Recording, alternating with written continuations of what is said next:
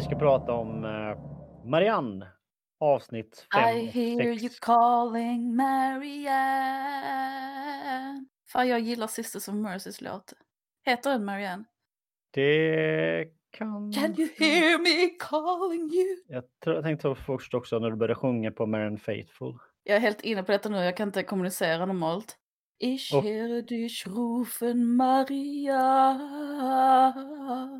Sjunger Kannst du tyska? då? hear mama? En av verserna är på tyska av någon anledning. Det är väl lite så här, Ah. svartrock är ju lite, Ja, då måste jag jag, vet inte, börja... det känns som att det gärna kan vara lite tyskt. måste jag nästan lyssna på det senare. Du, du måste lyssna på den, den är skitbra. Alltså det är faktiskt en riktigt, riktigt bra låt. Texten är, jag vet inte, den griper tag med ens hjärta. Ja, det är annars också en större grej med en del som håller på väldigt mycket med musik. Att de typ börjar sjunga oavbrutet. Man kan inte prata med dem. Ja. Som du gjorde nu alltså. Tycker du det är störigt? Jag tycker det är asnice när folk börjar sjunga oavbrutet. Jag har till och med umgåtts med folk som, okej nu ska jag uttrycka mig väldigt försiktigt här. Men jag har umgåtts längre än jag borde med människor som kanske liksom politiskt har varit lite helt fel. Bara för att de sjöng så himla vackert hela tiden medan de pratade. Hitler alltså. Typ. Faktiskt. Jag bara-. Jag kan inte komma ifrån de här tyska operorna, jag måste bara höra lite till. Detta är sanning faktiskt. Och inte nazism, men alltså... Ja. Nej, men det kan väl... eh, Det är väl liksom snarare så här att det är... Liksom man kanske försöker prata om något seriöst och så är det någon som bara byter ämne eller börjar sjunga istället. Det kan vara jobbigt liksom. Kan jag tycka. Ja, ja, jo det är klart. Framförallt när folk det- skriker. Skriker falskt och överröstar innan man har något viktigt att säga, det är aldrig kul. Sen kan det vara så att jag själv ibland brister ut i sången när jag ska vara överdrivet hurtig. Och det är ju Mm. vansinnigt störigt och jobbigt. Okej, ledsen. nu ska vi ta medicin. Ja, men du vet. På tal Ja. om eh, musik och Mhm. Marianne. Har du, Mhm. varit punk- har du varit punkare någon gång? Eh, alltså, jag har ju le... Okej, kan jag säga. Jag har haft punkfrisyr och Mm. levt ett punkliv tillsammans med punkare. Men jag har Mm. aldrig varit så himla förtjust i själva musiken punk, utan jag liksom lyssnade på synt och såg mig själv som syntare. Men syntare ska ju ändå vara ganska så rena och alltså det är ju en, en punkstil som är lite Ja. striktare. Och det lyckades inte jag med. Alltså, Nej. det var en väldigt skräpig syntstil. Ja. ja, men jag hade nog eh, lite olika varianter av skräpig stil utan att för, liksom, du vet, jag hade så här lyssnade på grunge, hade rakat hår på sidorna, läderjacka. Alltså punk var liksom, lyssnade på trash och speed metal. Och liksom punk var en av de sakerna jag lyssnade på. Mm. Men det var liksom aldrig det dominerande. Nej. Men sen, jag, jag måste säga, jag har liksom sett KSMB, Lyckliga kompisarna, tus, jag har varit på tusen punkkonserter också. Men så är det ju när man Mm. är ung, man går ju inte bara på de konserterna med låtar man tycker är bra. Utan Nej. man får ju liksom hänga med på allt som ens kompisar går på, för man har ingen Ja, exakt. ta vägen. Så. Ja, och så kanske det inte... Eller som man uppfattar det liksom, så är det en rolig grej som händer på den helgen. Ja, precis. På det, liksom. Ja, det är radioaktiva räkor på Klubballan. Liksom. Ja. Mm.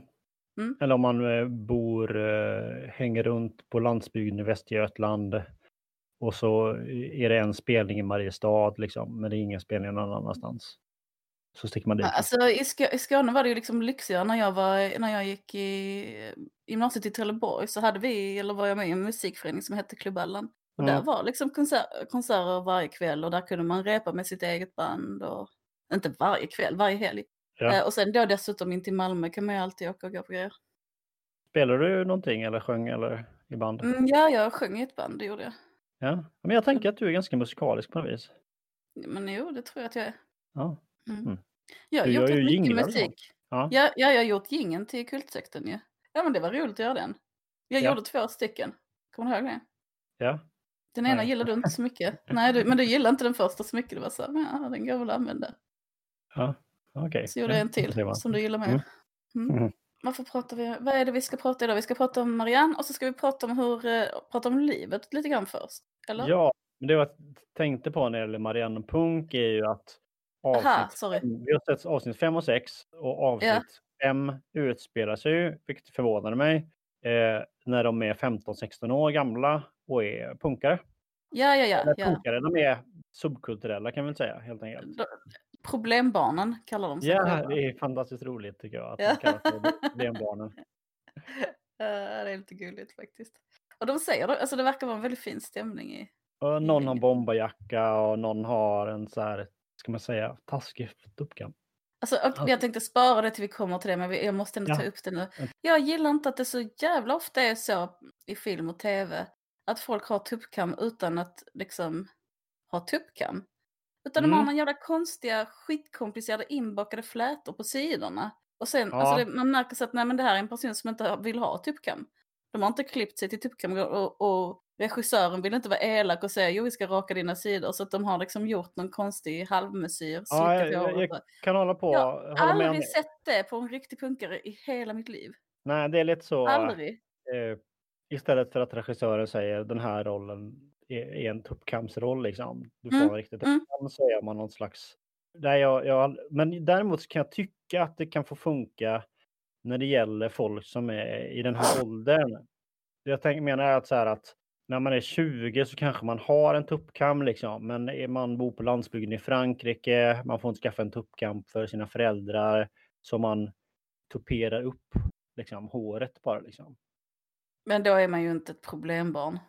Alltså då har man Nej, då är man ju eh, välartad. Ja, precis. Det är ju typiskt ett välartat beteende.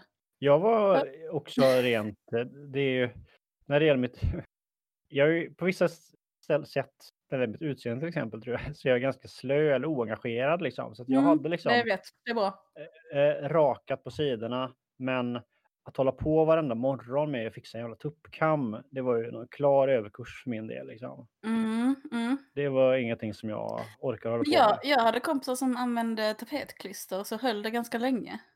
Ja, det låter Det är också... ett tips. Men det, man Men ska det är hård i sova- och för man sig. ska- Ja, man, Men man ska ju mm. liksom ligga och sova på något vettigt sätt. Ja, den, spiken, bakspiken är ju alltid bruten. ja. ja, jo det stämmer. ja, ja, roligt. Jag använder två, tvål för att göra olika former. Det är 22 december idag. När vi spelar in är det 22 december. ja. Mm. Mm. Så det är lite julstök. Jag jobbar fortfarande. Eh, kommer jobba rätt mycket. Så översätta någon timme om dagen. Eh, familjen, det är lite coronavibbar, lite förkylningar kan vi säga det. Innan vi vet Ja. någonting. Men ehm, ja. Vi har ju- som- Alla andra är lediga liksom. Alla andra är Ja. lediga. Och det är ju soft på många sätt. Hur, eh, hur funkar det med översättandet Går det bra liksom? Ja, det jag, jag tror jag var lite tjurig för ett tag sedan. Men, jag, Ja, ja, lite tror jag det var. men det var, nu är det som att nu har jag översatt över halva boken och det är som att jag börjat komma in i det igen. Jag Mm. hade ju inte översatt på dans, från danska på ett och ett halvt år, någon större mängd. Så det tog liksom en 20-30 sidor innan jag blev varm i kläderna lite grann. Mm. Och på tal om att översätta från danska, och vi har sagt att det var så kul att se saker som inte var från USA eller Storbritannien och vi sa att vi skulle se om riket förra avsnittet. Så- Mm. Så berättade du att det ska Yay! komma en ny säsong av Riket! Woho! Helt fantastiskt. Åh, en gång Så sjukt att det var var- precis efter att vi pratade om det också, att vi var så ja, ja men vi ska se det. Mm. Så det är lite kanske vår förtjänst. Jag och någon kompis, eh, två, tre stycken tror jag. Det var, jag och två svenska kompisar var fulla Mm. i Danmark med några danskar. Mm. Och, så, plö- och så, vi var liksom, du vet, väldigt fulla och förvirrade och svenska liksom. Och så Mm. plötsligt står vi framför riket, Rikshospitalet. Ja. Och vi bara börjar jubla och börjar typ dra massa repliker. Våra danskarna tyckte att vi var sjukt störiga så att de såg ju riket varje dag. Liksom. Det är ju som Ja, att ja, skulle gå, det är som att gå förbi MAS för dem. Liksom. Och så bara, bara, kan ni kanske dämpa ner liksom, man ska vara tyst utanför ett sjukhus. och vi bara, den lille piggen sin själva tåren, hon gråter. Det var ju en storartad händelse för oss liksom. ja men såklart. Vi tänkte att vi skulle gå från den ena bodegan till den andra, så plötsligt står vi framför denna historiska byggnad. Mm. Men det är, Ja. alltså, jag har haft två, två vänner genom åren som har pluggat till läkare i Köpenhamn. Jaha. De har lite annan stil Mm. i Danmark. och då har de varit på riket och de säger att riket är liksom ont och spooky. Alla vet det. Det är ett spökhus. Så det är sant. Okej. Ja. Men ja, jag har hört historier. Ja. Jag har en bekant som jobbade på, någon, eller som, jag kanske fortfarande jobbar där, som på någon psyk på riket. Och refererar Ja. till alla patienterna som knasbollar. Men- Vad är det hon heter i Drusse? Heter hon det? Druss, ja, Drusse heter hon hon, va? en, en knasboll av rang. En knasboll på riket, ja. Hon är Mm. bra. Men Mm. hon är egentligen den som har rätt, eller hur? Är det hon inte det? Den som har koll egentligen. Jo, exakt. Hon Ja. är ju medveten om att eh, Det moderna bygget börjar bli trött Ja. och fjog. Ehm, min, em, jag har ju liksom ett jobb som jag kanske kommer få, som jag har varit på väg att få väldigt länge. Eller som jag typ har, jag tror jag har fått det, men att det är lite grejer som måste stämma för att jag ska kunna börja jobba. Och de grejerna stämmer inte riktigt med corona.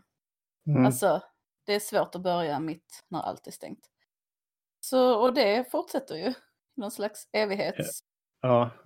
ja, Eh, och det kan ju bli lite frustrerande ibland. Men samtidigt så händer det små grejer hela tiden. Så här bara, oh, nu är vi ett steg närmare och nu, men det går bara lite långsamt. Så där känner jag mig lite sådär, kommer det hända?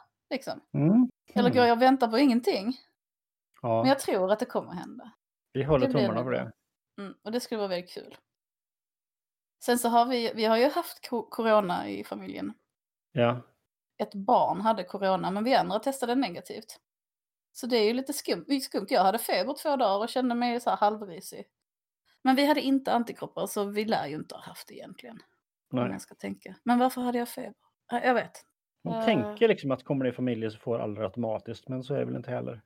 Nej men det här var jävligt konstigt för han var ändå hostade och nös och, och så. Och han, han, em, han fick inte vara isolerad för att det blev liksom inte, han har haft många förkylningar och han kan liksom inte sitta ensam, han är ett barn.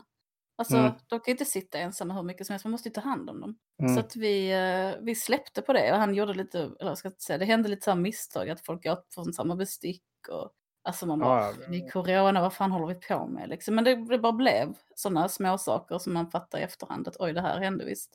Ja, men sen blir det Eh. så, jag vet inte hur det är med era barn, men vår man liksom, typ det står en skål tomater framför, framme och det är, istället för att använda skeden som ligger i så tar man med händerna liksom. Och, Exakt, ja. Massa sådana grejer.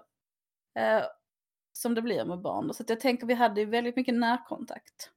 Men annars tycker jag men, det mentala, lite upp, och ner. Vi har pratat om det här vakuumet. Eller hur? Att, Mm. att man känner att, man inte har, att det inte är någon tid och inget ändras och så. Även om vi mest har varit den lilla kärnfamiljen så har vi gjort saker på, på ett annat sätt. Så att, mm. ja men igår var det så här, vad heter det, vintersolstånd. Firar ju Ja. det lite så att, så att man markerar alla händelser liksom. Mm, vi firade också det lite grann. Men, och nu är några grannar, men vi är utomhus då. Ja. Men annars så måste jag säga att, inte som i familjen, men oavs, ut, utanför så är jag, jag kanske isolerar mig lite mer, liksom även, så, även på nätet och så. Eller vet du, Ja, mm. jag, liksom, jag har, har inte uppdaterat Instagram och jag ringer inte till folk, eh, släktingar lika mycket. Du vet så här, jag eh, känner att jag, det är någonting som, det har blivit mer bubbla för mig tror jag. jag Men för mig har det nog varit, varit an, tvärtom. Jag har så suttit och, i telefon och kollat på eh, Bordello of Blood med en kompis och druckit öl häromdagen. Det var skitkul. vi kanske kan fortsätta lite till, men jag inser att jag inte druckit kaffe idag. Vi Mm, måste kanske- ge, stoppa alla, allt Ja. som händer. Gå och hämta, pausa och gå och hämta kaffe så fyller jag på Ja. mitt också. Så. Den satt som kniven i länsman. Har du redan druckit ditt kaffe? Nej, jag har kaffet med mig alltså. Ja, ja, ja. Jag tänkte sur- surpla lite här. Alltså det är så jävla stört. Jag håller på att baka bröd. Jag ser att jag måste snart springa till dem. Eh, jag bakar surdegsbröd. Med katrinplommon och mandel. Gott. Ja, mandel sympatiserar jag med, men kantareplommen är jag mer tveksam till. faktiskt. Alltså det är ju skitäckligt i sig, men i bröd är det jävligt gott. Avsnitt fem. Mm. Du lämnade henne. Jag blev eh, förvånad. Um, eller jag tycker att standard så att säga, och jag tycker det är skönt att de frågar standard, är ju liksom att man blandar in tillbakablickar kontinuerligt scener från ett tidigare liv eh, liksom genom alla avsnitt. Medan här har de ju tillägnat ett helt avsnitt det som hände för, är det 15 år sedan eller 20 år sedan? 15 va? 15 eller 20. Ja. De har sagt lite olika, men oftast har de nog sagt 15. Det kanske är 16 eller något. Så då borde ju... Då tänker jag att de var i 15-årsåldern och nu är de i 30-35-årsåldern då liksom. Mm. Mm. Ja, men jag tycker också det, det är gött att få se dem lite yngre och få se liksom historiens början eller vad man ska säga. Mm. eh, u- utförligt. När du börjar i ett klassrum när vår nuvarande vuxna Emma står. Det är väldigt mycket med det här att folk eh, gömmer sig bakom skåpsdörrar på olika sätt eller så. Mm. Mm. Och så går, går Emma fram till eh, en skåpsdörr, där står en flicka med långt hår. Eh, och så säger hon typ, eh, vem är du? Och så säger flickan, jag är Emma, vem är du? Och då börjar vuxna Emma strypa den här tjejen som säger att hon är Emma. Och sen vaknar barnet. Då förväntar man sig liksom att det är den vuxna som ska vakna. Men då vaknar 15-åringen och sen är allting ur hennes perspektiv. Och då har Mm. hon kissat, kissat på sig för att hon har en mardröm. Mm. Och hon är ju 15, 16, någonting sånt. Det är lite Nej, men sent det att kissa på sig. Ja, men det, ja, det är väl lite, det är lite jobbigt så. Mm. Liksom. Men ehm, då går hon och pratar med sin mamma och så bara, de skojar om skammen i det och så här, men de verkar inte, Det verkar vara så här, nu händer det igen liksom. Det Ja, och det verkar inte all- nej och det verkar inte alls vara laddat eller, alltså Mm. det verkar vara någonting de pratar om och mamman bara, men du är ju sen, spring iväg så tar jag tvätten och hon bara, åh tack mamma. Alltså det är väldigt fin, Mm. såhär, jag vet inte, jag gillar, jag gillar stämningen dem emellan, att det den är ganska, den är på något sätt rå, men det är liksom humor och Ja, Jag vet inte, den är, det känns inte alls som det här är råa som ett, är förtäckt elakhet eller att oh, vi, har, vi kan säga vad vi vill till varandra och så säger man elaka saker. Utan det Mm. känns mer bara som en, en hård 90-talsstil ja, ja. ja. ovanpå kärlek liksom. Det där är en, en avstickare. Jag var, Mm. Speciellt på arbetsplatser så har jag sett på folk som bara ja, jag är en sån ärlig person och säger alltid precis vad jag tycker. Eh, Mm. Vilket som av en slump bara innebär att de är dryga mot sina arbetskamrater under någon slags täckmantel av ärlighet. Mm. Eh, cheferna brukar de alltid liksom backa upp som rörslickare. Liksom. Mm, mm, mm. Eh, men eh, att man liksom maskerar sin elakhet med att jag är bara ärlig, är man bara ärlig så är allting helt okej. Mm. liksom. Bara, Mm. Nej, vissa grejer kan man ha, knipa käften och hålla för sig själv faktiskt. I vilket fall som helst så måste man ju, alltså man måste ändå göra ett urval av vilka saker man ärligt säger. Mm. Och man kan välja att säga dem snälla eller de elaka. ja. Man hinner ju inte säga allting man tycker och tänker. Det är ju bara så. Alltså man måste ju, man sållar det mesta säger man ju inte. Nej, jag Så läste en var- vansinnigt usel dikt av Bob Hansson för en dag sedan. Som var så här. Är det den som jag har sett att det är lite, lite liksom, har sett lite på nätet om att det finns en dikt i någon tidning som inte, eller något sällskap som gav ut? Ja, exakt. Ja, som är så här. eh, Eh, att han sitter och lyssnar på två 17-åriga tjejer på ett café. Så Mm. säger någon utav dem. Gud vad du är pinsam ungefär. Du berättar hela Mm. dikten bara för ändå. Eh, och eh, så, så, så, så tänker Bob så, diktens jag då liksom. Ja. Och då vill jag bara gå fram och skära huvudet av henne. Oj, det var våldsamt. Ja, verkligen. Herregud, vilken reaktion. Shit, jag blev Mm. helt chockad. Ja, jag också. Och då eh, tänker man ju att jag vet inte, Bob Hansson är också... Nej, jag säger inte mer om Bob Hansson just nu. Nej, säg ingenting om honom, herregud. Vi kan Nej. inte veta någonting av en, om en konstnär utifrån dess, den, dennes verk. Liksom. Mm, Det kan man testa, det kan vara vad som helst. Men det var ju väldigt, eh, det var ju väldigt extremt. mm, verkligen. Mm. Hur kom vi in på det? Just det, och ärlighet. Just det. Och råhet. Ja. Trodde det var sant. Tror inte... Eh, Nej, det, vi, jag vi, vi vet ju inte om Bob Hansson är ärlig här och att det är han Nej, som nej, är nej, jag- att säga, eller Nej, hur? precis. Nej, nej, det tänker man sig på något sätt att det inte är, utan att han testar någonting. Men skitsamma. Mm. Uh, rått. Ja. Alltid Eh. jobbigt med, med vuxna, vuxna mäns våld mot unga kvinnor tycker jag. Så nu ska, borde jag gå och kolla mina bröd, men det gör jag inte. De Men i- Hon vaknade i den kissiga sängen, gulligt samtal. Ja, och sen träffar hon Aurora. De ska med bussen, men bussen kör ifrån dem. Eh, De ska Mm. till skolan. Och sen har han ritat en spritflaska bredvid det för att de sa någonting om att supa. Men jag kommer Ja. inte ihåg vad. Jo, men de Riktigt. träffar upp eh, den äldre brodern, what the fuck. Tony heter hans lillebror i alla fall. En av fiskarbröderna menar du? Ja, den äldre fiskarbrodern. Han heter nog det, den äldre fiskarbrodern. Mm. Ja. Och eh, eh, heter hon Katrin, va? Eller hur? Alltså hon som hängde sig i Karo. första... Karo. Caroline, Karo tror jag hon hette. Men Mm. ja. Mm. Eh, jo, men jag tror att de söp eh, dagen innan. Men det var bara så, det var bara det. För Ja, alltså, det, det- är ju det- någonting också Emma jag skojar om. Jag tror det är någon som säger typ gud vad jag är bakfull ungefär. Liksom. Ja, ja, ja. Och när hon, hade, när hon hade kissat på sig så sa hon till sin mamma också, men jag var så full igår. Och man bara, "Ja, men så där kan du inte hålla på. Hon bara, men jag ska bli en stor författare, jag måste vara alkoholist. Och, alltså de skoj, skojade om det lite grann sådär. Som, Ja, Ja. just det. och sen hon bara, äh, men jag drack inte, jag bara skojar. Alltså lite så. Mm. I alla fall, sen kommer prästen och släpper en jättearg hund. Eller först, ja, ja, exakt. Men Eller? först kommer ju liksom Sebby springande mot dem Och- Ja, just det, just det. Ja, i bomberjacka och, och de bara varför, vad är det med honom? Varför kommer han springande här? Och då, Ja. ja. Då har prästen släppt sin hund och då springer allihopa. Han sagt det, allihopa bara springer helt vilt och hoppar över kajen och hoppar ner i vattnet och skrattar. Ja. Och det är ju ingen liten hund utan det är ju också så här. Man tänker sig att hunden kommer mörda dem om den kommer ta ungefär. Ja, men det, det, är en skit, det är en skitläskig hund, men det är också så att de är fullt påklädda. Det kan inte vara, alltså de ser ju varmt klädda ut. Sen är det ju Frankrike, men jag tänker det är ju inte, det är inte 25 grader i vattnet liksom. Nej, nej. nej. Och så hoppar de över en kaj i sånt.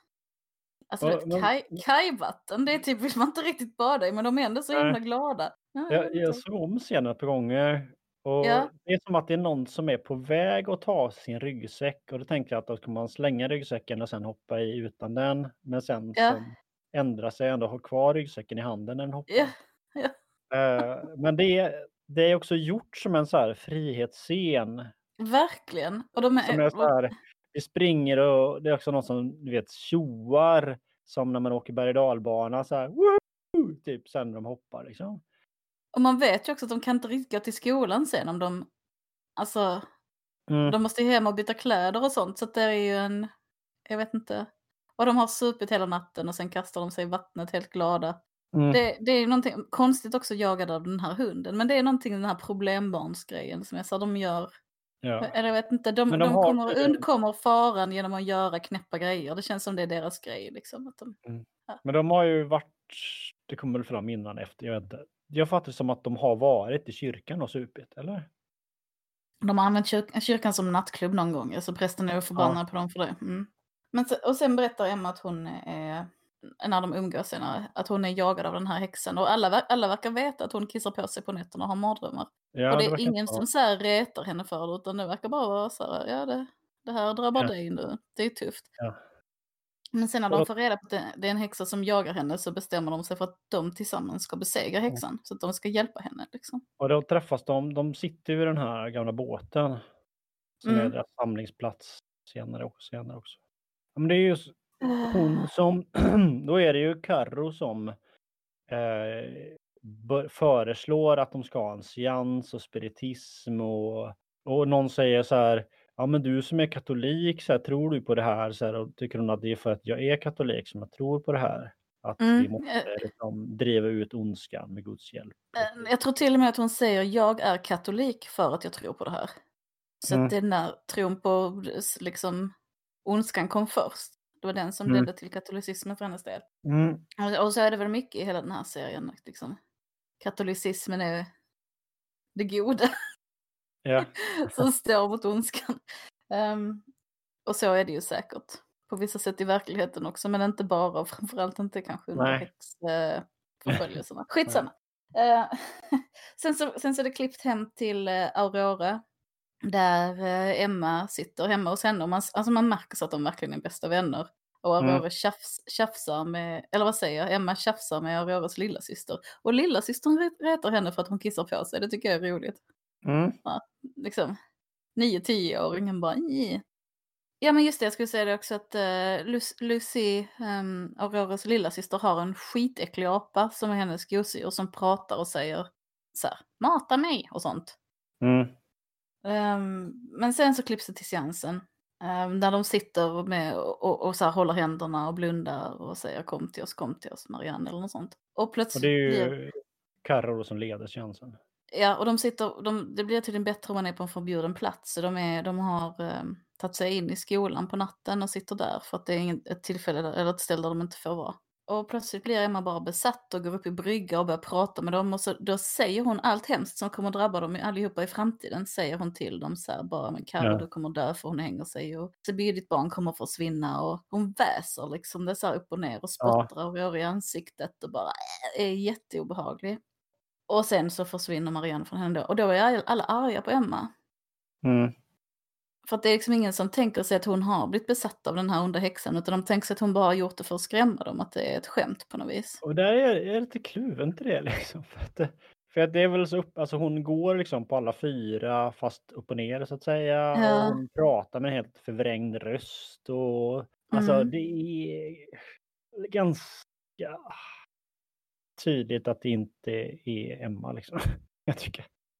Ja, men samtidigt är det ofta så med, alltså, när något är lite för obehagligt att ta in så är det ju ofta så folk reagerar på något sätt. Mm. Men det är väl någon av dem som säger, senare säger Sebby att det var inte du liksom. Säger han, men gäller det också, det ja, gäller det också under, ja men gäller, pratar han om under seansen då? Pratar han inte bara om alla grejer hon har gjort efteråt? efteråt. Ja, jag vet inte riktigt. Hon, han säger i alla fall att hon, det har inte varit hon sen seansen tror jag. Ja, ja men det, det... Jag, jag uppfattar som att alla där tror att Emma har stör, varit störig mot dem. Liksom. Ja. En sak som jag... Karo kanske. Ja, Men Karo, Karo verkar inte så... Alltså hon verkar vara lite så här kul för sig själv, mest där för att hålla häx. ja. Eller jag Jag tyckte inte. det var lite lustig sak som den besatta Marianne sa så att säga till henne. Och sa Ja. så här. Du kommer här din lilla oskuldshäxa och tror du kan dominera mig ungefär liksom. Ja, just det. Ja. Och, och det var ju intressant tyckte jag för att, att hon kallar henne oskuldshäxa är så att vibben som Karro har sagt från början är ju att det här är en seans för att bekämpa Marianne så att säga. Att det är liksom en religiös seans. Ja. Medan Marianne refererar till henne som att snarare som att du är en häxa. Liksom. Mm. Så här att du... Eh, ja, så att, att det där finns en slags frågeställning kring är det ont eller gott liksom på något vis som Karro vill göra. Liksom. Ja. Förstår du menar? ja, men det är ju ockultismen då, det hon håller på med. Ja, Det, det är ju det. Liksom. det är ju, men häxa, ja, det är ett svårt ord kanske att ja. förstå. ja, ja man undrar också Många vad de, sätt. sa, vad de sa på eh, franska. Vad det skulle bli i översättningen. Man är ju alltid lite tveksam till Netflix-översättningarna. Liksom. Ja, ja visst. visst. Sen är det lite eh, klassiskt patriarkat på något vis. Eller så här att hon pratar inte väl väldigt lite om killarnas sexualitet någonting så att säga. Medan hon kallar Karro för oskuld och de andra två för horor liksom. Det är något klassiskt i att just det är kvinnors sexualitet som ska kommenteras. Ja, jag tänkte faktiskt inte på det, men det är ju väl, det är väl sällan att man liksom refererar till män som oskulder och horor. Mm. Ännu mer sällan på 90-talet och kanske ännu mer sällan på Marians tid. Emma Mm. är tillbaka i skolan på dagtid och försöker få eh, Lucie, Auroras lilla syster, att gå hem. Men hon sitter kvar och jobbar. Och hon är så här, men du får ta färjan med mig nu och vi måste sticka. Så hon tar, tar väl lite så här stora systeransvar när hon hittar ungen i skolan. Liksom. Mm. Men Lucie Jo. älskar att leka kurragömma och det vill hon alltid göra och hon springer iväg och gömmer sig och gömmer sig i en frys. Som slår Mm. igen med en sån här, den kläpp så det liksom låser fast. Ja. Och Emma springer omkring och letar efter henne och letar och letar och här till klipps det in till Lucie som sitter där i frysen med en liten lampa. Och så är Marianne där inne och säger så här, du är min. Och sånt. Jätteläskigt här inne i frysen. Men det är också så att Marianne på något vis är utanför och lurar Emma. Massor, ja. Och så, så drar henne till andra ställen och så här får henne att se Lucie på ställen där Lucie inte är. Krypa under bänkarna på ett jätteobehagligt sätt och sånt. Liksom. Mm. Jag tror det här är också när hon skriver på tavlan, du kommer straffas, du kommer straffas, du kommer straffas. Till Mm. Emma. Och ap, den här äckliga apan låter också överallt och är överallt och syns. Mm. Och så till slut hittar ehm, Emma hittar Lucy i frysen men då är hon död. Hon är liksom frusen och det är inte så här, oh, Nej, men jag återupplivar. Nej, men jag förstod det senare som att jag tänkte så här, hon kan ju inte frusit ihjäl så snabbt, men att hon har egentligen har kvävt. Att Ja, det precis. som har tagit slut. Eh, Men också att Marianne har tagit henne.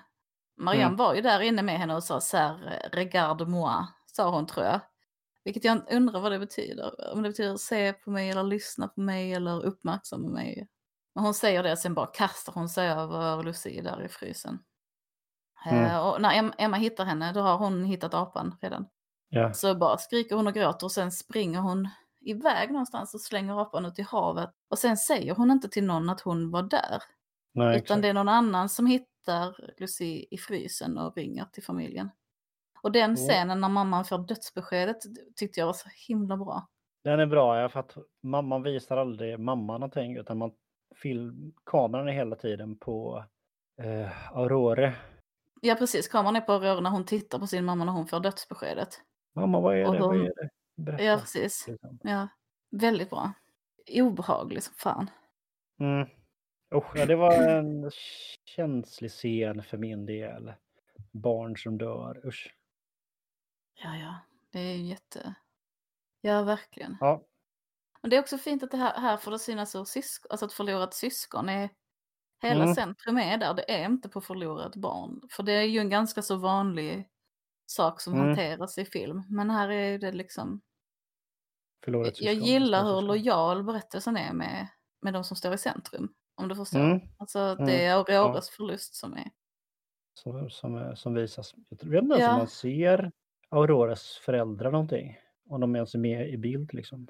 Jo men det är de nog, men Alltså, knappt med ansikte Ja. utan mer bara så här som folk som, papp, går- eller pappan är inte med men mamman är med som någon som går förbi liksom. Ja, som bara går förbi ja. ja. Mm. Och sen, sen ligger då Emma hemma och gråter och så då dyker den jävla apan upp helt blöt på hennes nattduksbord. ja. Och sen är det så jä- sen så dyker Lucie upp och bara så Åh, varför lämnade du mig och sådär. Och sen Ja. blir det så här, mm, alltså det sitter någon under lakanet, vet, man ser bara så här som ett spöke Mm. i hennes säng. Man ser inte vem och hon skriker och hoppar iväg och sätter sig mot en vägg och liksom hyperventilerar. Och så reser sig, Och då märker man också att det är någon som är större än Lucie. Så att det är liksom inte... ja precis när den reser sig så bara blir större och större tills det är en jättestor person som står där med lakanet över och sen långsamt så skrider mot henne så att lakanet långsamt, långsamt glider av. Mm. Så ser det inte ut som det är någon där under och sen bara är Marianne där med sina stora läskiga händer och griper henne om huvudet. För så är Mm. det väl när hon besätter någon, att hon liksom, hon hoppar över dem på ett sånt obehagligt Mm. sätt. Och efter det så måste hon ju prata med någon, Emma. Så hon går och biktar sig hos prästen. Mm. Eh, som när hon kommer och säger så här, jag vill bikta mig, så säger han, han är så rolig, han bara okej. Alltså så här, han bara, ah, jag vill inte lyssna på din skit. Och han är Mm. jättesur på dem för de har dansat i kyrkan och sånt. Liksom. Ja. Men han säger också sen när hon har berättat allting och hon bara, "Ah, är det Gud som är arg på mig för vi dansar i kyrkan? Han, han bara, Gud skiter i det, det är bara jag som är arg för det. Det är Ja, ganska är- roligt. Han är faktiskt jätterolig. Alltså. ja. Men sen så säger han så, varför tror du att det finns en präst i varenda liten skitby? Jag behöver någon som vakar mot ondskan och nu är ondskan här. Och Mm. hon bara, ah, vad ska vi göra? Och han bara, det finns inget vi, det är bara du, det är du som är besatt och du måste härifrån. Om du älskar dina vänner och din familj så måste du skydda dem genom att försvinna. Jag Eh, tycker det är också intressant för att tanken jag tänker mig på något vis att han skulle kunna hjälpa på något vis. Förstår du vad jag menar? Men också att han är sur på henne. att han håller inne med hjälp han kunde gett. Jag tolkar Ja. inte alls så, utan jag tolkar det som att han, Det är, bara, mer "Jag som att, jag- inte." det är mer som att jag tycker att han borde kunna. Eller att han borde liksom vara connected till någon slags häxjägare som finns kvar i kyrkan. Liksom. ja, ja, ja, menar? ja. För att det är en jättekonstig lösning tycker jag. Att hon bara drar. På ett sätt, men samtidigt så tycker jag det är så här att han- skyddar henne, för han är, jag tänker mig att han ser det som att nu, har- den här ondskan finns i dig nu, du kommer inte undan. Och den Mm. kommer att drabba alla runt omkring dig om du inte skyddar dem och det kommer att bli värre för dig. Så därför, Mm. för att skydda dig så tror jag att det är bättre att du klipper med alla och drar. Liksom. Ja, men det är kanske också för att skydda elden liksom. Han ser hellre, Absolut för att skydda han ser, elden. han, ser- han ser Ja, ja. hellre att Marianne är någon annanstans. Ja, ja, och han, ja precis, och han vakar ju över elden, Sin- inte över sin- Emma i sin- första hand. Sin församling liksom. Mm.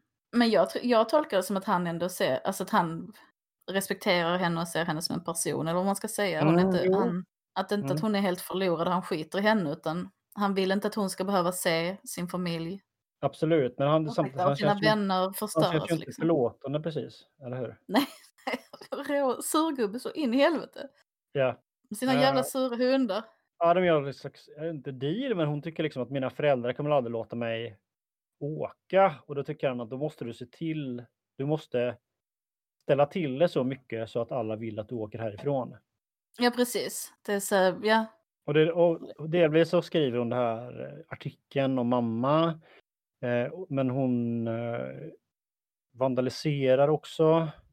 Både kyrkan och bilar utanför. Eh, gör någonting mer. Det är jätteroligt när hon, hon tar en sprayburk och går och sprayar längs alla bilar för att liksom verkligen vara ett problembarn. Och så kommer en polis och står så här precis framför henne, ställer sig framför henne Mm. som får stoppa henne. Då klottrar hon på polisen också. Mm. Jag tycker det är jätteroligt. Ja, Bara psh, sprutar på honom. Jo men sen så hugger hon huvudet av Jesus i kyrkan och så säger hon till prästen så här bara har jag gjort tillräckligt nu då? Att det verkligen är, ja. alltså har, man märker att det verkligen har gjort illa, henne illa och var så jävla jobbig men hon har inte kommit på något bättre eller så. Och där, där är en sån, i nästan varje avsnitt så finns det någon scen som är lite så här meta liksom. Som är lite så här rockvideoaktig, som är refererat till en tidigare film och som är som går utanför realismen. Och det är Mm. liksom att när hon kliver ur kyrkan med yxan i handen där.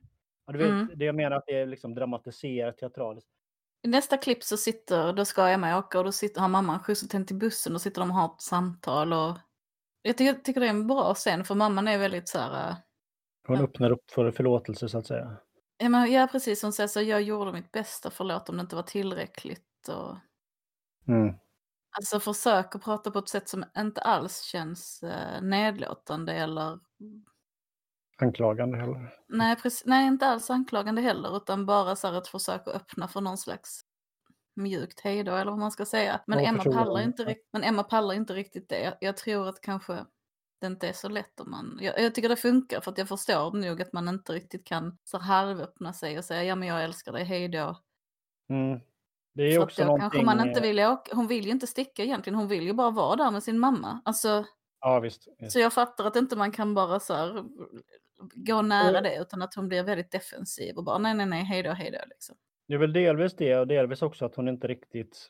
Hon kan ju inte riktigt säga det är en häxa som bestämt sig för att göra livet surt för mig. Liksom.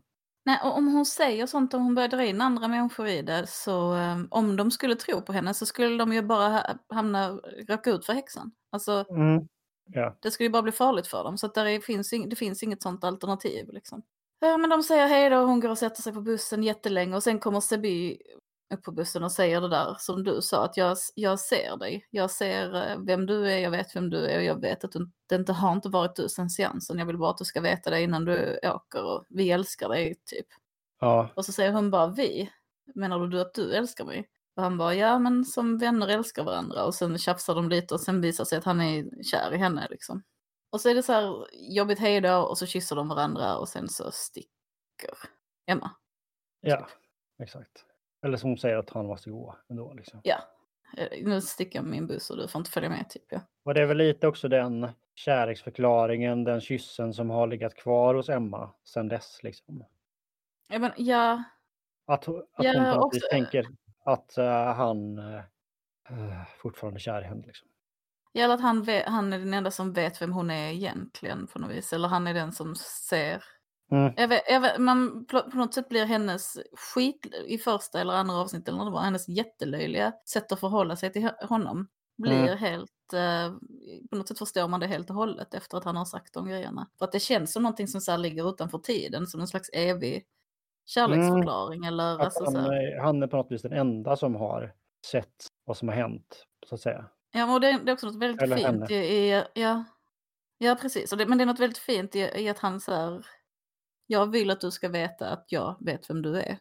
Mm. jag vet att du inte är detta. Liksom. Det är Ja. jätte, ja, hjärtknipande. Sen är det klippt nu, nutid och Marianne sitter och pratar med Ronan, va? Nej, vad säger jag? Emma sitter och pratar med Ronan, polisen. Mm. Eh, och Marianne blixtrar till i deras samtal. Eh, Sebi kommer och knackar på och säger Marianne har tagit min son och polisen säger okej, vi måste krossa henne. Och så Mm. slutar avsnitt liksom i så här. Plötsligt vet man dun. allt Marianne har gjort och plötsligt så förstår man allting och bara nu ska vi ladda och nu ska vi vinna. Man vet lite mer konflikten med prästen och sånt. Liksom. Och, Ja, och man förstår varför allt Emma har gjort allt hon har gjort. mm. Alltså att hon inte har varit bara så mycket asshole som det har verkat eller att hon Mm. blev ett asshole för att hon var tvungen eller vad man ska säga. Ja, man kan se det som att hon offrade sig själv lite grann. Att ingen annan är medveten om hennes offer. Nej men precis, att hon verkligen burit allting ensam. Sen är vi på avsnitt 6 som heter För minnena. Enligt Och då är vi tillbaks i nutiden igen. Yes. Det börjar med att de, eller de eh, är ju nu väldigt inne på Seby, Ronan och Emma är ju inne på att de ska döda Marianne, att de ska vinna över henne. Och Mm. eh, Ronan har läst en massa i, i Emmas böcker och hittat så här, ja men här var det, i din bok var det ett barn som hette Tom som drunknade och här var ett riktigt barn som hette Tom som drunknade. Och liksom kopplar faktiska, här var det en björn som dödade en massa människor på en buss och pratade och här hände det i verkligheten. Alltså så här, och kopplar Mm. till ställen där hennes böcker har getts ut. Alltså så här, om det Ja, hände i. Ryssland så visar han att jo men din bok var utgiven på ryska där det så här stod då. Och Emma blir helt så knäckt och bara shit det är jag som har Ja, dödat alla de här människorna och vad har jag gjort? Och så är, då är, tycker jag polisen är bra så att du har inget, det är inte du som har gjort detta, det är Marianne. Mm. Och då får uh, Sebbe ju samma idé som jag tror du och jag har tagit upp i något Ja, ja precis. Så här, varför då kan du ju bara skriva så här om att Marianne dör i böckerna, att Ja, ja, ja, henne precis. och att hon, eh, ja, sådär liksom, bekämpar henne genom skrivandet. Så då börjar, då sätter sig, och, och Ronan han är väldigt mot det. Han bara så enkelt är det inte och vad tror ni detta är? Och, ah, liksom. och. Ja. Men Emma sätter sig och skriver och tydligen somnar genast och har en fruktansvärd mardröm. Ganska kaotisk, det blir strömmar bort i huset och wow, sådär. Mm. Och sen när hon vaknar ur den här mardrömmen så är hon bara så här, okej vi kör på ditt sätt Ronan. ja, för då har, hon ju, hon- ja, men då har hon ju också skrivit eh, saker som hon inte, utan att vara medveten om det. Ah, det såg jag Och, inte. det, och, det, Usch, och, jag, ja. men, och där skulle jag nästan gå tillbaks, eller, för jag är lite osäker på vad det var hon skrev där. Oh, den som kunde franska. Mm. Ja, ja. Och så säger Ronan, ja men för mitt sätt så vi behöver glödlampor och ett djur. Och det, det var vad han ville ha. Eh, och Ja. så ska de då sticka ut till fyren, eh, de här tre. Eller ska Sebi med? Nej, så Jag det tror han inte med bara- från början i alla fall. Nej, nej precis, utan det är bara Emma och Ronan. Men sen kommer då de, de problembarnen som finns kvar. För visst har ena fiskarbron försvunnit? Ja, det är inte exakt. Och det, där var jag lite så här tveksam så här. Men han, det är inte klargjort på något vis att han har dött eller så, utan han är bara försvunnen just nu. Mm, vi vet inte Ja. riktigt vad som har hänt där, men vi har ju Jag sett, tänker mig att han sitter någonstans och uh, Marianne skär ut hudbitar ur honom eller någonting. det är Ja. mycket möjligt, det är någonting. Ja. Mm. Men, men så i alla fall, de tre problembarnen utöver Emma som finns kvar i livet eller i frihet kommer så här till lite rockmusik på gatan. Bara, da, da, da, nu ska Och det de där- komma och och, det där är joina en- liksom. Det där är typiskt någon slags så här superhjältefilm så något vis. Ja. De har liksom tagit en scen från en annan. Jag tycker det känns som någon slags westernfilm de har tagit där. Så här, nu, Ja, det det återsamlas det vara. gamla, Mm. nu återsamlas det gamla gänget för att bekämpa ondskan igen. Liksom. Sju rider igen ungefär. Och, då, då, liksom där, och så är de helt så här bara, ja men vi är, vi är problembarnen och vi eh, bekämpar häxorna. Och de är lite, alltså det är en sån rolig sammanhållning, lite Mm. Och de är lite arrogant också, nästan men ja. Och Där kan, där kan jag för sig tycka att det är som att Sebby inte är i så mycket upplösningstillstånd som man skulle vara om ens bebis precis blir kidnappad kan jag tycka. Nej men jag tänkte också på det, att han är väldigt lugn. Han är väl Alltså, lugn och lite kanske och han är inte- lite grann och lite avslappnad. han är-. Ja, och han är inte i centrum heller på det sättet som jag tänker mig att en människa som, Ja, just håller, som är av med sitt barn skulle vara. Alltså, men ja, ja, det är väl, det är väl för att det är liksom Emma. Men ja, vi får förlåta detta kanske. vi får väl göra det. För nu, nu ska de i alla fall åka ut till fyren till den gamla skolan och fängsla Marians kropp i ett djur. Och det djur de har Mm. valt är prästens elaka hund. Vilket är jättekul. Som, ja, och den har en sån här Hannibal Lecter-munkorg på sig liksom. Så Ja. jätte, jättegrym munkorg och sitter Oj. och stirrar sig omkring. Jag tänker i alla fall här liksom att det är roligt val såklart, men är det inte bättre typ att ta en hamster eller någonting? Alltså jag menar, Eller Den här- hur? det här, den, man, jag ser ju bara framför mig Pujo liksom. och Det här är ju en hund som faktiskt kan slita folk i stycken. Ja, ja. Absolut. Och den måste ha en Hannibal Lecter-munkorg. Alltså, Ja, shit ju. dåligt Ja, val. Fast roligt verkligen. val. Ja. Det är också det där, eh, prästen är någon slags potentiell allierad och hjälp, tänker jag mig, någonstans i Ja. framtiden. Och, Ja. Så det är dumt att göra honom ännu mer pissed off, liksom, kan jag tycka. Rent taktiskt, diplomatiskt.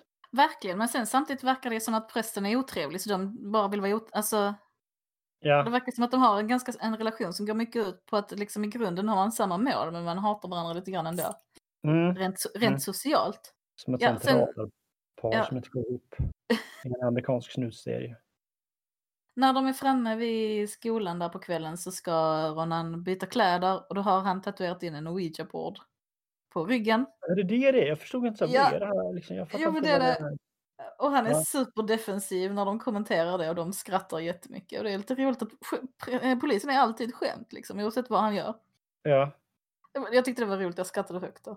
Sen finns det ju någon slags kontrast där, även om det finns likheter mellan den seansen han drar igång och den som han gjorde för 15 år sedan. Jo, men, Så de, för att de det är så här, man ska inte hålla blunda, vilket ju aldrig Ja. går såklart. Hur skulle man kunna ha fem personer som sitter och blundar tillsammans? Eh, alla kommer inte blunda liksom. Och man ska inte vara cynisk. Men det finns också någonting med det som antyder att han har lite bättre koll på vad han gör än vad Carro hade. Ja, men han är ju också en vuxen polis ändå. Han har väl hunnit göra några misstag. Och... Ja, han, har ju verkar, liksom han verkar mer påläst liksom. Men då sätter de sig där och mässar liksom intensivt och länge och Emma börjar se saker och se sig omkring och vara helt rädd. Så, när, så tittar hon åt sidan och där är Aurora och stirrar på henne skitargt och bara blunda. Det Mm. tyckte jag också var roligt. Ja. han blundar och så fortsätter de och sitter där en stund och sen ger Ronan upp. Han bara, nej det här funkar inte. Ja, Jag, jag kan inte, jag trodde att jag kunde men hade det funkat så hade det funkat nu. ja. Sen klipps det till sjukhuset och så står det i förrgår. Och så är det Emmas pappa som ligger, hon ligger på samma rum som. Går kommer inte det här längre fram egentligen? Eller? Nej, det kommer det. Nej, okej. ja. Jo, nej, jo det, det stämmer. Hunden får ett eget rum först. Mm. Att de säger mycket upp och sen så går, går Aurora och sätter hunden i ett annat rum för folk vill inte sova i samma rum som hunden. Men sen klipps det och så står det i förrgår. Och så är det Mm. en bild av, eller så är det Emmas pappa som eh, ligger i sängen och stirrar på Camille och Camille som ligger i koma intuberad ligger vänd mot honom och stirrar ondskefullt och tyst bara. Mm. Med den här tuben i munnen. Och där är jag ju... Jag hade rätt. Ja, Och jag är verkligen. mycket glad och stolt över detta. Gissa att det. Marianne tog, in, tog Camille. Ja. Och sen kommer en ny skylt där det står igår. Och då går larmet och då är det Sebys eh, baby som har blivit kidnappad och alla springer omkring. Mm. Eh, och pappan tittar över i Camilles säng och då är Camille inte där. Sen bara står hon i mörkret jätteobehaglig med sån här, den här, de här onda ögonen som liksom blänker vitt på något vis som alla får när de är onda i den här serien. Så jätteläskiga. Ehm, De har hon och så går hon fram bara lugnt, lägger sig i eh, sängen, intuberar sig själv igen, alltså sticker ner den här tuben Mm. i halsen och sen vänder sig och tittar på pappan. Mm. Och sen så står det i natt. Så ligger Emmas pappa igen i sängen ganska hjälplös. En sjuksköterska vi har sett tidigare håller på att ta hand om honom och säger att eh, hon har inte världens bästa bedside manner. Man märker verkligen att hon bara gör ett jobb, hon är inte där. Mm. Alltså hon knyter inte så mycket till honom men hon fixar med någonting och säger du ska sova nu, det är natt och där, där, där. Och så bakom henne ser man Camille komma med en kniv tror jag. Man ser för att hon Men håller en hand höjd. Jo, det måste vara en skalpell, ja. Det ser man sen när hon tappar den. Ja, ja, Ja. okej. Mm. Och går mot sjuksköterskan på väg att döda henne. Och sen plötsligt bara rycks hon liksom upp i luften. Och hänger. Eller och då ser sjuksköterskan henne och hon långsamt stiger upp i luften och Marianne liksom lämnar hennes kropp genom hennes mun. Ja. Ja, sen trillar hon ihop på golvet. Och det är otroligt skrämmande de här sjukhus och nattbilderna tycker jag. ja, det är det. Och då, Ah. och då Mm. fattar man ju också att, att seansen lyckades. Liksom. Att seansen drog, lyckades kalla till sig Marianne och ma- att de tvingade Marianne att släppa Camille på det sättet. Ja, precis. Så att Marianne är där någonstans hos dem nu, men de vet inte i vem. De vet Mm. inte hur. Sen är det tillbaka på ön och då ska Aurora och den yngre fiskarbron bron sova i bilen efter att Aurora har ställt hunden ut i ett, en redskapsbod eller något sånt. Äldre är det väl? Eh, Fiskarbrodern. jaha, jag trodde det var den yngre. Ja, ja. Ja. okej. En av fiskarbröderna. Mm. Och eh, det har liksom, de har pratat innan om att hon är kär i honom. ehm, och hon börjar konfrontera honom om det på ett ganska så konstigt och hysteriskt sätt. Så här, Ja. ah, hur många har du haft sex med? Och han bara, ja, kanske 39 kommer det fram till slut. Och hon bara, va? Så jag är inte bättre, alltså jag är sämre än 40 tjejer. Eller jag på tidigast plats 40 av alla tjejer du vill ha sex med. Sådär Mm. som att, jag, jag vet inte. Som att han alltid har vetat att hon var kär i honom, vilket han Ja, inte har vetat. Nej. Så det är ju, det är ju skitstörigt. Samtidigt är hon väldigt sårbar och liksom lite knäpp och, och rolig och hon bara ah, fan, jag hade tuppkam och gitarr, borde borde ha valt mig, vilket jag tycker är Ja. ett underbart argument. Jag, var det- lite frå... jag måste säga att jag var lite frågande till den här serien. Um, Jag Men tyckte sen- den var jätterolig. att den var jätterolig, men jag Ja. hade frågande inför dess plats i, Ja. i, serien så att säga. Och sen kom Ja. jag på att, eller kom att tänka på att när de gör det här så kanske det liksom inte är beslutat att det bara ska vara en säsong. För det här känns liksom som en plantering inför Mm, någonting Mm. som pågår längre än några avsnitt, Absolut. än, än två avsnitt Mm. till.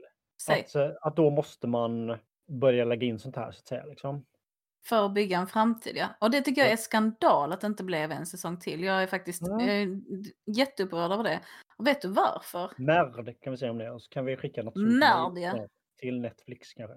Mm. Men vet du varför den inte fick fler säsonger? Nej?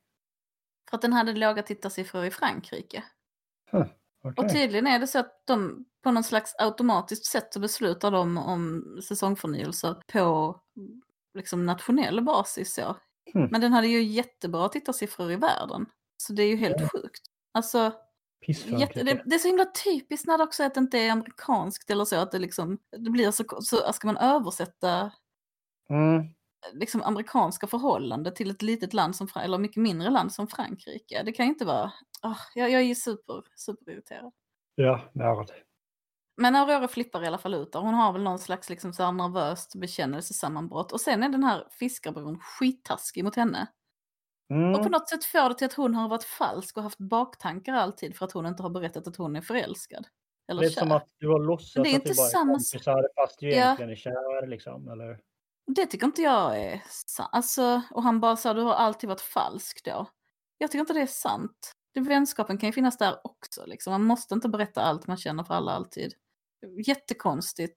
Han är väl kanske lite, det kanske inte hör till saken, men som jag minns tonåren så var de också mycket mer flytande på något vis. Liksom. Ja, Att det, är så det är här, inte så lätt att veta alltid. det var lite mer så att det här, som, det, som det är i den här serien, det var väldigt mycket så att så här, någon är kär i ens bästis pojkvän stuket liksom.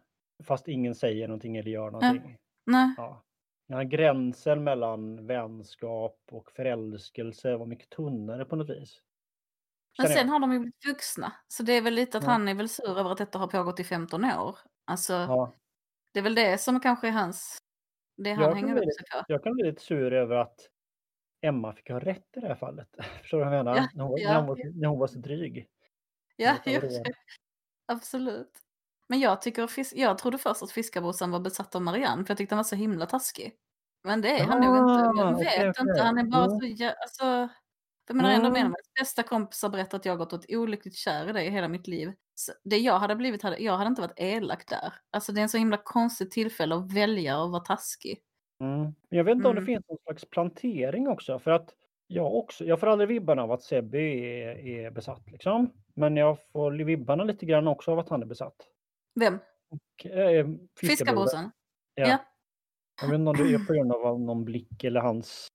Det är kanske att han inte ska sova med alla de andra sånt liksom som gör att man Ja. tänker okej, um, vad är det här egentligen?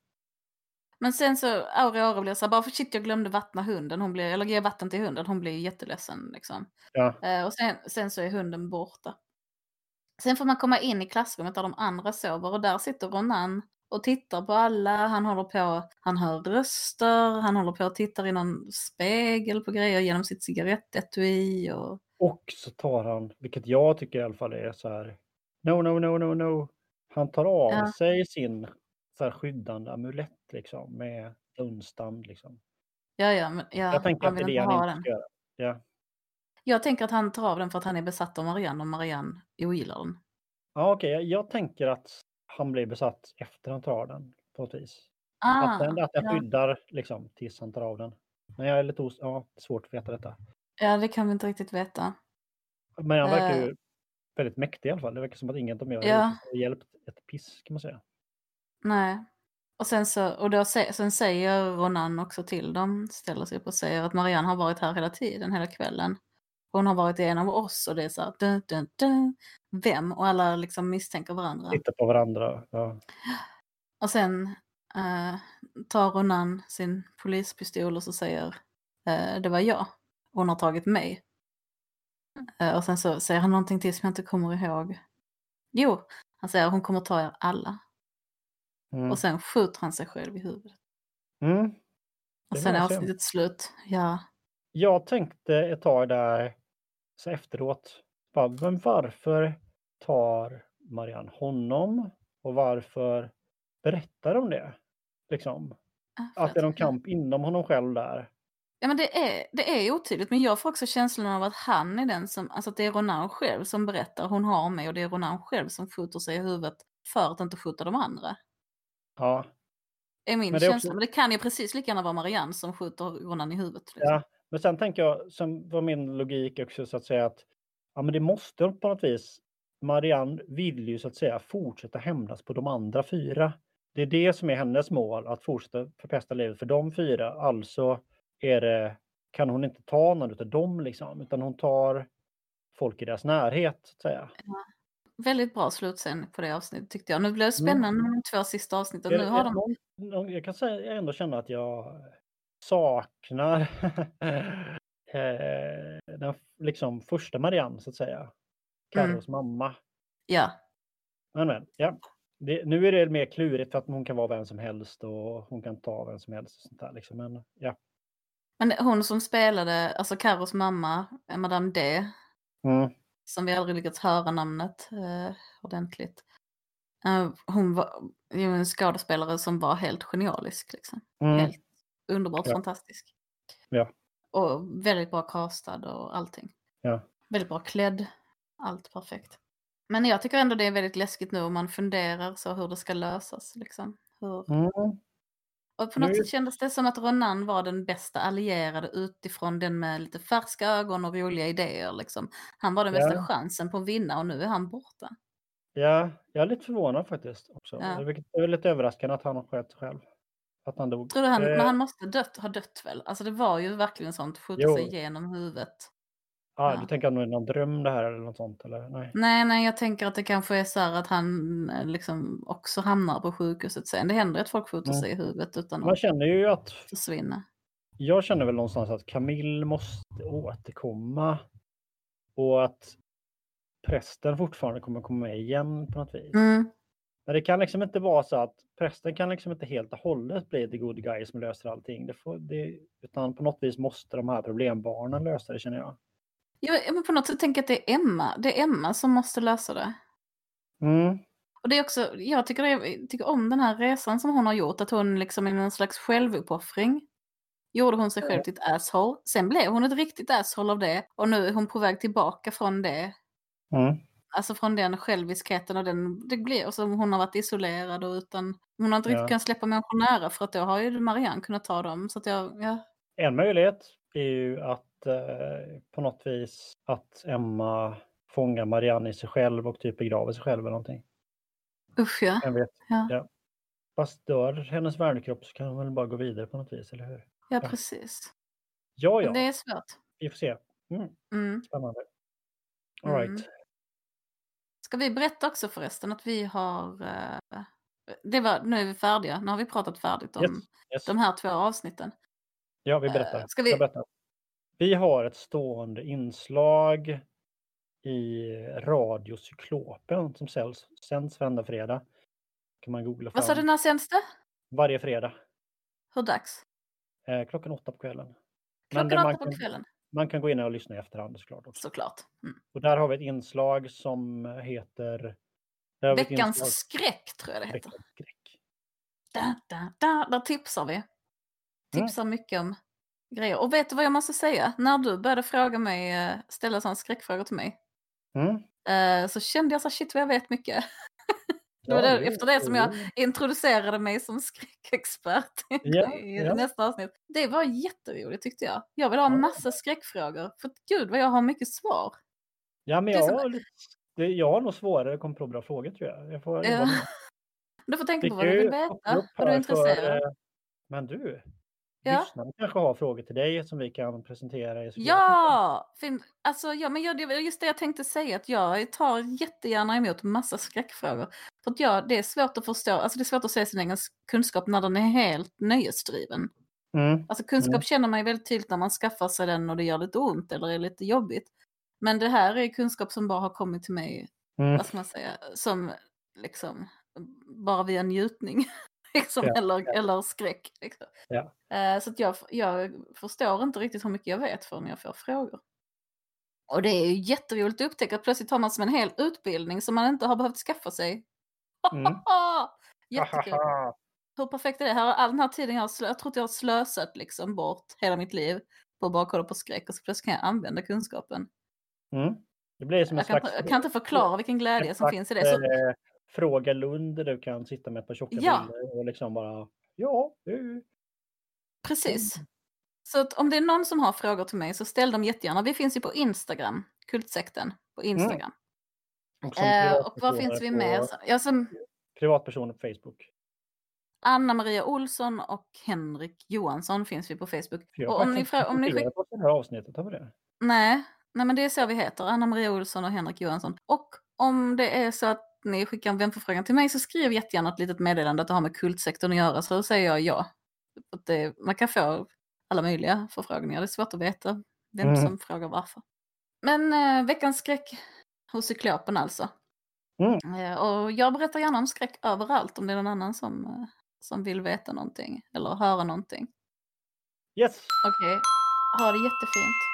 Samma. Eh, och snart tycker jag vi ska... Jo, men det gör vi. Kan vi inte ta i mellandagarna och ha en ölkväll? Det gör vi.